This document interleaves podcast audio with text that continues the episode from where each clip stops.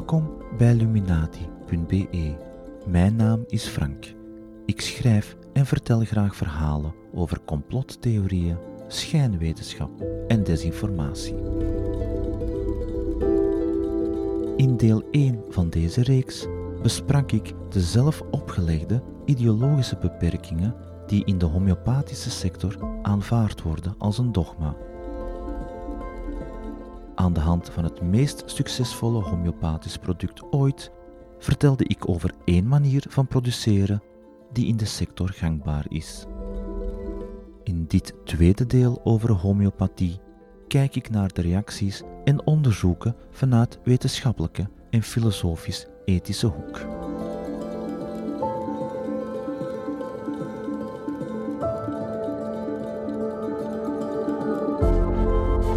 De eerste vraag in deze aflevering is of homeopathie wetenschappelijk onderbouwd kan worden. Hoe legt de sector uit dat een homeopathisch product als oscillococcinum, dat amper of geen moleculen actief bestanddeel kan bevatten, werkt en effectief is? Anders gezegd, wat met het fundamenteel onderzoek naar het werkingsmechanisme van homeopathie? En vooral, wat met het onderzoek naar klinische effectiviteit? Wat het werkingsprincipe betreft, valt op dat de sector daar nog niet veel aan dood heeft gedaan. Producent van homeopathische middelen, Boiron, stelt op de website: Wat we zeker weten is dat homeopathische geneesmiddelen unieke fysisch-chemische eigenschappen hebben. En hun biologische werking werd al aangetoond, zowel in cellulaire modellen als in planten- en dierenmodellen. Fundamenteel onderzoek kan dit nu aan het licht brengen en bewijzen. Einde citaat. Maar Boiron legt niet uit wat die fysisch-chemische eigenschappen precies zijn en hoe ze dat te weten zijn gekomen. Ze geven geen spat uitleg en dat is weinig. Er doen trouwens verschillende speculaties de ronde over de vermeende werking van homeopathie, maar geen enkele daarvan is wetenschappelijk onderbouwd. Even was de theorie van de Franse onderzoeker en dokter-immunoloog Jacques Benveniste populair. Hij beweerde eind jaren 1980 dat water een geheugen heeft. Dat water het vermogen heeft om een herinnering vast te houden van stoffen die er eerder in waren opgelost.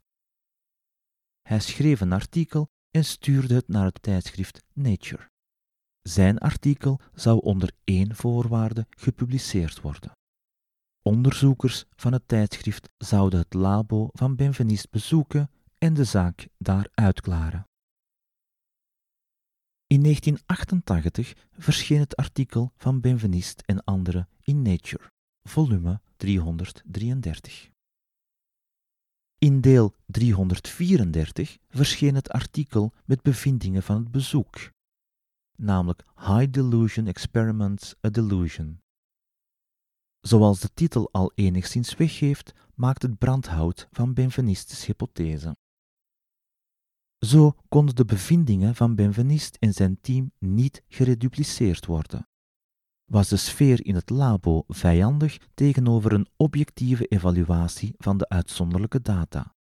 En werden er geen pogingen ondernomen om systematische fouten te vermijden, zoals de observer bias of vooringenomenheid van de waarnemer? De Lancet, dat andere wetenschappelijke blad, zou het 16 jaar later een van de bekendste wetenschappelijke schandalen in moderne tijden noemen. Een opmerking in de marge. Het geheugen van water kan niet uitleggen hoe homeopathie werkt, aangezien het niet uitlegt hoe het nu zit met homeopathische verdunningen met behulp van alcohol. Ik citeer een vrij willekeurige website over homeopathie, zoals er dertien in een dozijn zijn. Doordat een homeopathisch middel in de vorm van een korrel of druppel het water raakt, vloeit de energetische waarde van de korrel over in het water. Het water zal vrijwel meteen veranderen in de structuur die de korrel ook in zich had. De energetische boodschap is overgedragen of in een flesje of in ons lichaam. Zodra de korrel of druppel ons slijmvlies in onze mond raakt, wordt de energetische waarde wederom overgedragen en kan het proces van heling beginnen, doordat de structuur van het water in ons lichaam wordt veranderd. Er is dus wel degelijk iets te zeggen over de werking van klassieke homeopathie. Einde citaat. En dat is wel een heel optimistische conclusie. Dit citaat, deze woordsalade, verklaart net niets. Er worden hier meer vragen opgeroepen dan beantwoord. Het is heel opvallend dat er trends zijn te ontwaren in de verklaringen van homeopaten. Zo zijn er heel wat van overtuigd dat er in de kwantummechanica genoeg aanwijzingen te vinden zijn die de beginselen van de homeopathie ondersteunen. Een van de bekendere in België is Anne Vervarken. Ooit oprichter van het Centrum voor Klassieke Homeopathie, momenteel homeopathisch therapeute te Gent. Zij was mee betrokken in het reltje rond nascholingen over homeopathie voor studenten verloskunde aan de Thomas More Hogeschool in 2017. Net zoals andere homeopaten goochelt zij graag, maar tevergeefs, met abstracte begrippen uit de natuurkunde om de werking van zeer verdunde middelen te verklaren. Quantumverstrengeling, quantum non-lokaliteit, de relativiteitstheorie. Duidelijkheid verschaft deze vorm van kwantummysticisme niet. Laat het verder geen verrassing zijn, maar haar cv vermeldt geen geneeskundige of natuurkundige opleiding. Toen de zogenaamde energetische geneeskunde populair begon te worden, kon homeopathie plots aan de hand daarvan verklaard worden. Helaas is energetische geneeskunde even speculatief en onbewezen als homeopathie. Je kan aan de ene onbewezen pseudowetenschap geen wetenschappelijk cachet geven door een beroep te doen op een andere pseudowetenschap. Met de opkomst van nanogeneeskunde was homeopathie daar al die tijd een vorm van, al dus een van de internationaal bekendste promotoren, Dana Ullman. Eveneens een grote naam in de wereld van de homeopathie, eveneens iemand zonder een medische opleiding.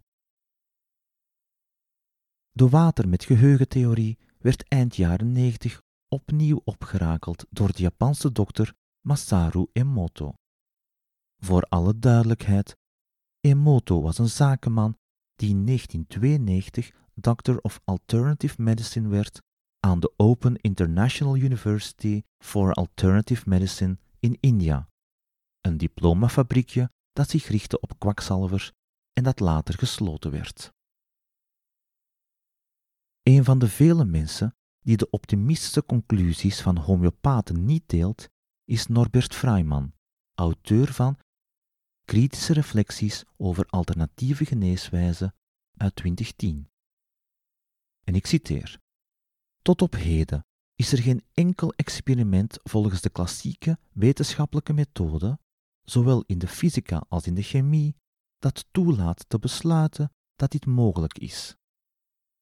Meer nog, complexe stoffen met meervoudige atomaire verbindingen, zowel elektrostatisch als covalent, zijn niet te doorbreken of te vervormen door de stof te schudden. Hiervoor zijn grotere krachten nodig. Bovendien verdwijnt de farmacologische activiteit van een stof zeer vaak, of bijna altijd, als de oorspronkelijke structuur van die stof verloren gaat. Einde citaat. De volledige referentie vindt u zoals steeds op luminati.be.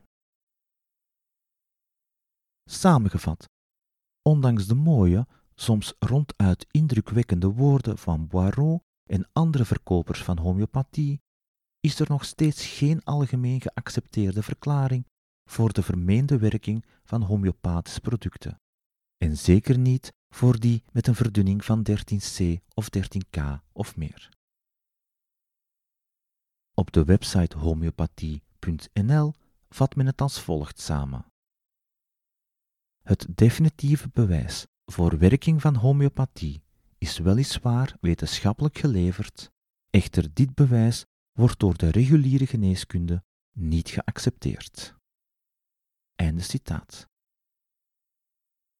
Op dit moment kan ik niet anders dan dit allemaal vergelijken met platte aarders die beweren dat het definitief bewijs voor de platte vorm van de aarde weliswaar wetenschappelijk bewezen is, maar dat dit bewijs door de reguliere geowetenschappers niet wordt geaccepteerd. Er is wel een verschil. Platte aarders schenden minder natuurwetten dan homeopaten.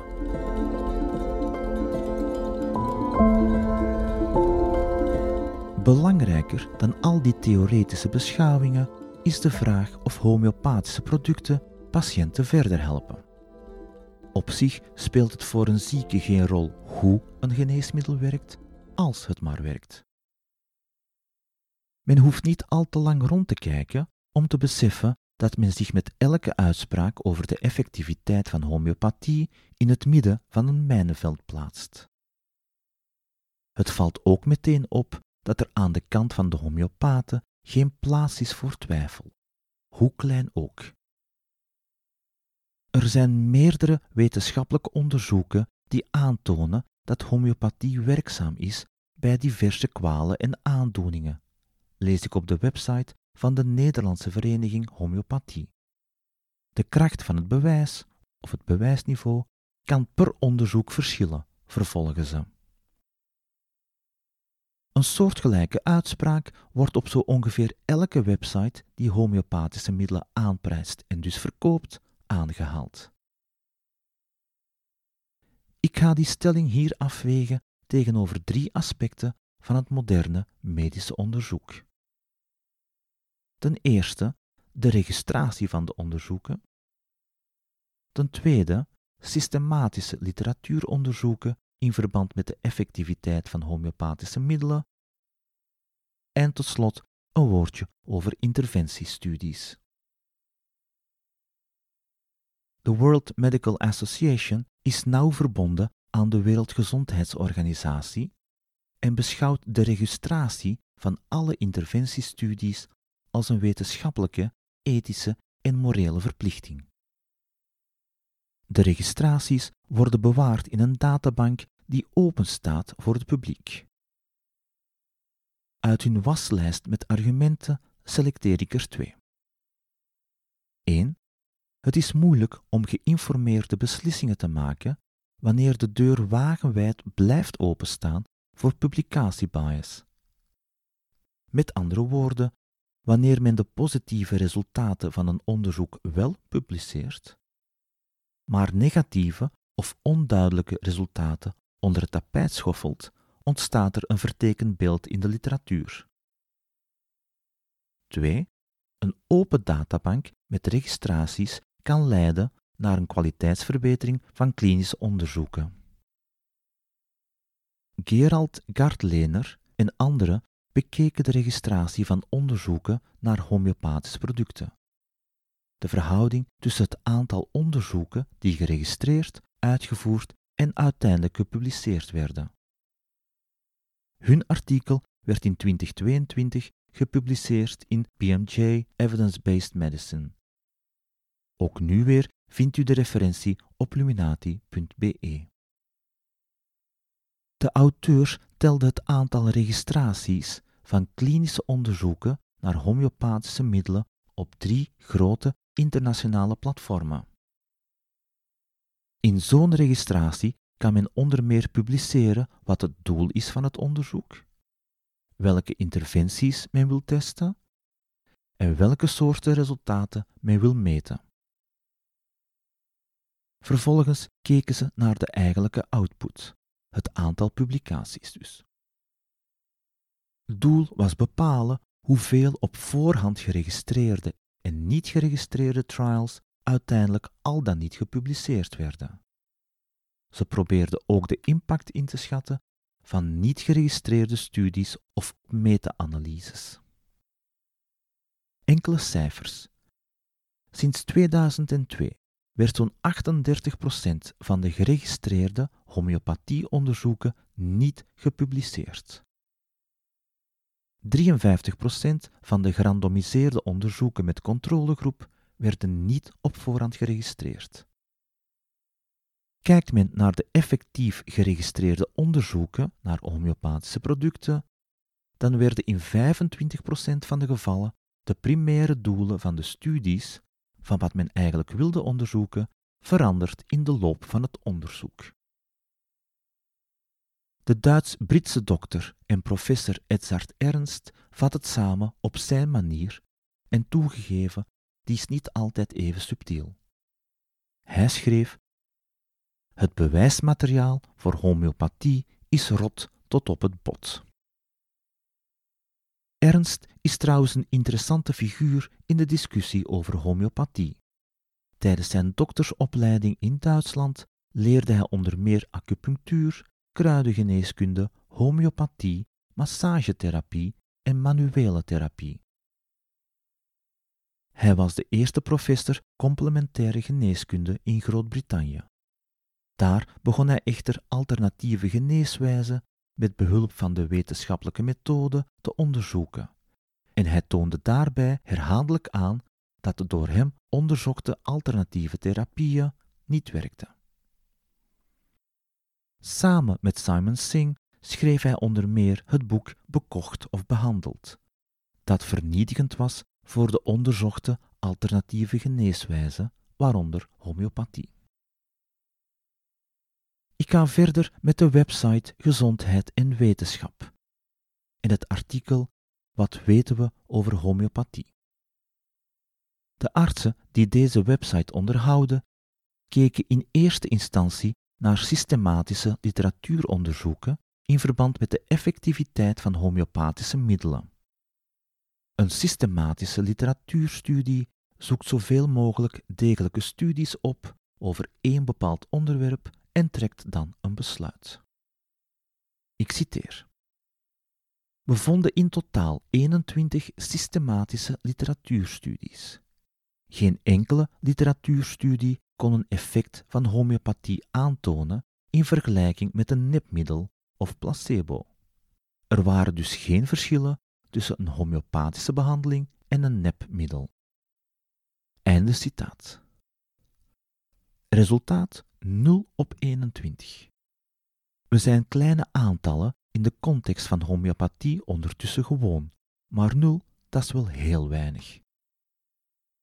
De conclusies luiden onvoldoende wetenschappelijk bewijsmateriaal, geen verschil tussen homeopathie en nepmiddel, en bedoeld wordt placebo-middel, en verder, de kwaliteit van het bewijsmateriaal is laag.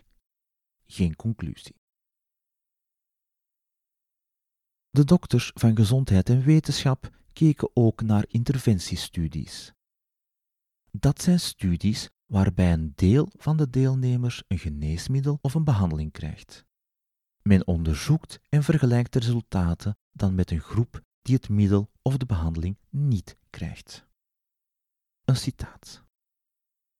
In veel gevallen waren er te weinig interventiestudies om te oordelen. Dat betekent dat verschillende middelen in de praktijk gebruikt worden zonder wetenschappelijke ondersteuning. Einde citaat. Mijn conclusie: na 200 jaar homeopathie heeft de sector mijn inziens meer nood aan onderzoekers dan aan de grootspraak van woordkunstenaars die het hebben over het geheugen van water, de energetische waarde van een homeopathisch product of onbewezen kwantumistieke woordsalades omtrent de vermeende werking ervan. Veel bla bla, voorlopig weinig boem boem. Uiteraard is het eigen aan dit soort kwakzalverij. Zolang die opbrengt, kan duidelijkheid en klaarheid het verdienmodel alleen maar onderuit halen. Gezien de magere resultaten op het gebied van registraties van studies, literatuurstudies en interventiestudies, kan de vraag hoe ethisch het toedienen van homeopathie is niet uitblijven.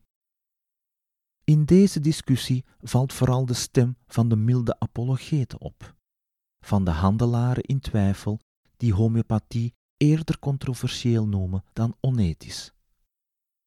Zij voeren onder meer aan dat de resultaten van klinische tests in het voordeel of het nadeel van homeopathie kunnen vallen, afhankelijk van hoe men de resultaten masseert. En dat is wel een heel ruimhartige interpretatie van de bevindingen van systematische literatuuronderzoeken en interventiestudies, zoals eerder besproken. Anderen vinden dan weer dat de morele status van homeopaten verkeerd wordt opgevat. Dat het ontbreken van bewijs dat homeopathie werkt, niet bewijst dat homeopathie waardeloos is. Tegelijkertijd roepen ze op om de vrijheid van therapie te garanderen, en dus ook voor homeopathie, een zogeheten therapie waarvan de effectiviteit na 200 jaar nog steeds niet bewezen is. Aan de andere kant van het spectrum bevinden zich dokters en ethici die sterk gekant zijn tegen homeopathie. Een belangrijk verkoopsargument voor homeopathische producten is dat ze op zich geen schade toebrengen. De reden hiervoor, namelijk het ontbreken van een actief bestanddeel, wordt verzwegen of gemystificeerd. De schade die berokkend wordt door het niet toedienen van medische behandelingen die wel op bewijzen zijn gebaseerd, is potentieel groot. De WHO waarschuwt trouwens voor homeopathische behandelingen voor tuberculose, malaria en HIV. Een tweede argument is dat we als gemeenschap elke euro voor de gezondheidszorg maar één keer kunnen uitgeven. We doen dat dus beter niet aan producten die niet beter werken dan een placebo. Zeker niet wanneer daarna overgeschakeld moet worden naar reguliere medicijnen. Dat is een van de redenen trouwens waarom de Britse Nationale Gezondheidsdienst in 2018 besliste om geen homeopathie meer te verstrekken. Dit probleem wordt nog acuter als men kijkt naar een organisatie als Homeopaten zonder Grenzen, die zichzelf uitzendt naar rampgebieden en daar tijd en financiële middelen opslorpt om onbewezen therapieën aan slachtoffers aan te bieden. Financiële ondersteuning voor zowel homeopathie als voor conventionele geneeskunde creëert ook dubbele standaarden. Iets wat ook de Vlaamse ziekenfondsen, behalve dan de christelijke mutualiteit, in stand houden. Ten derde is het moreel weinig hoogstaand om een patiënt te overtuigen, sommigen noemen het bedriegen, een middel in te nemen dat niet beter werkt dan een placebo-middel. Tot slot mag opgemerkt worden dat de nadruk op homeopathie en de financiële steun die homeopathische behandelingen krijgen, afbreuk doet aan complementaire therapieën die effectiever zijn dan homeopathie. Homeopathie moet namelijk niet alleen onderdoen voor conventionele geneeskunde, het is ook nog eens inferieur aan andere complementaire behandelingen.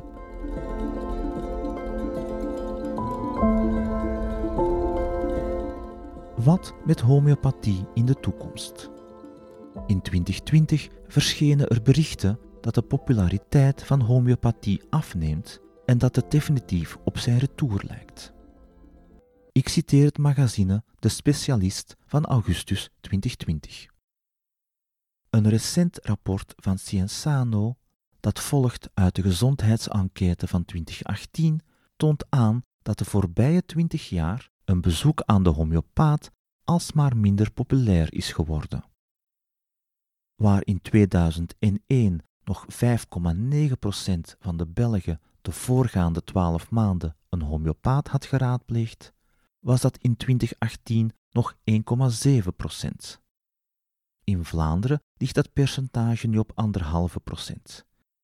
In Wallonië op 1,8% en in Brussel op 2,3%.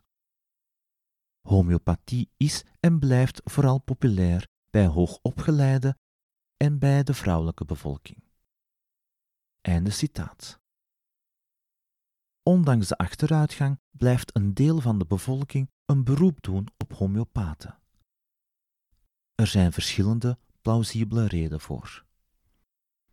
De ongenadige homeopathiecriticus Edzard Ernst vergeet niet voor eigen deur te vegen. Hij schrijft: De reguliere gezondheidszorg is ook behoorlijk slecht. Artsen ontbreekt het aan inlevingsvermogen en tijd.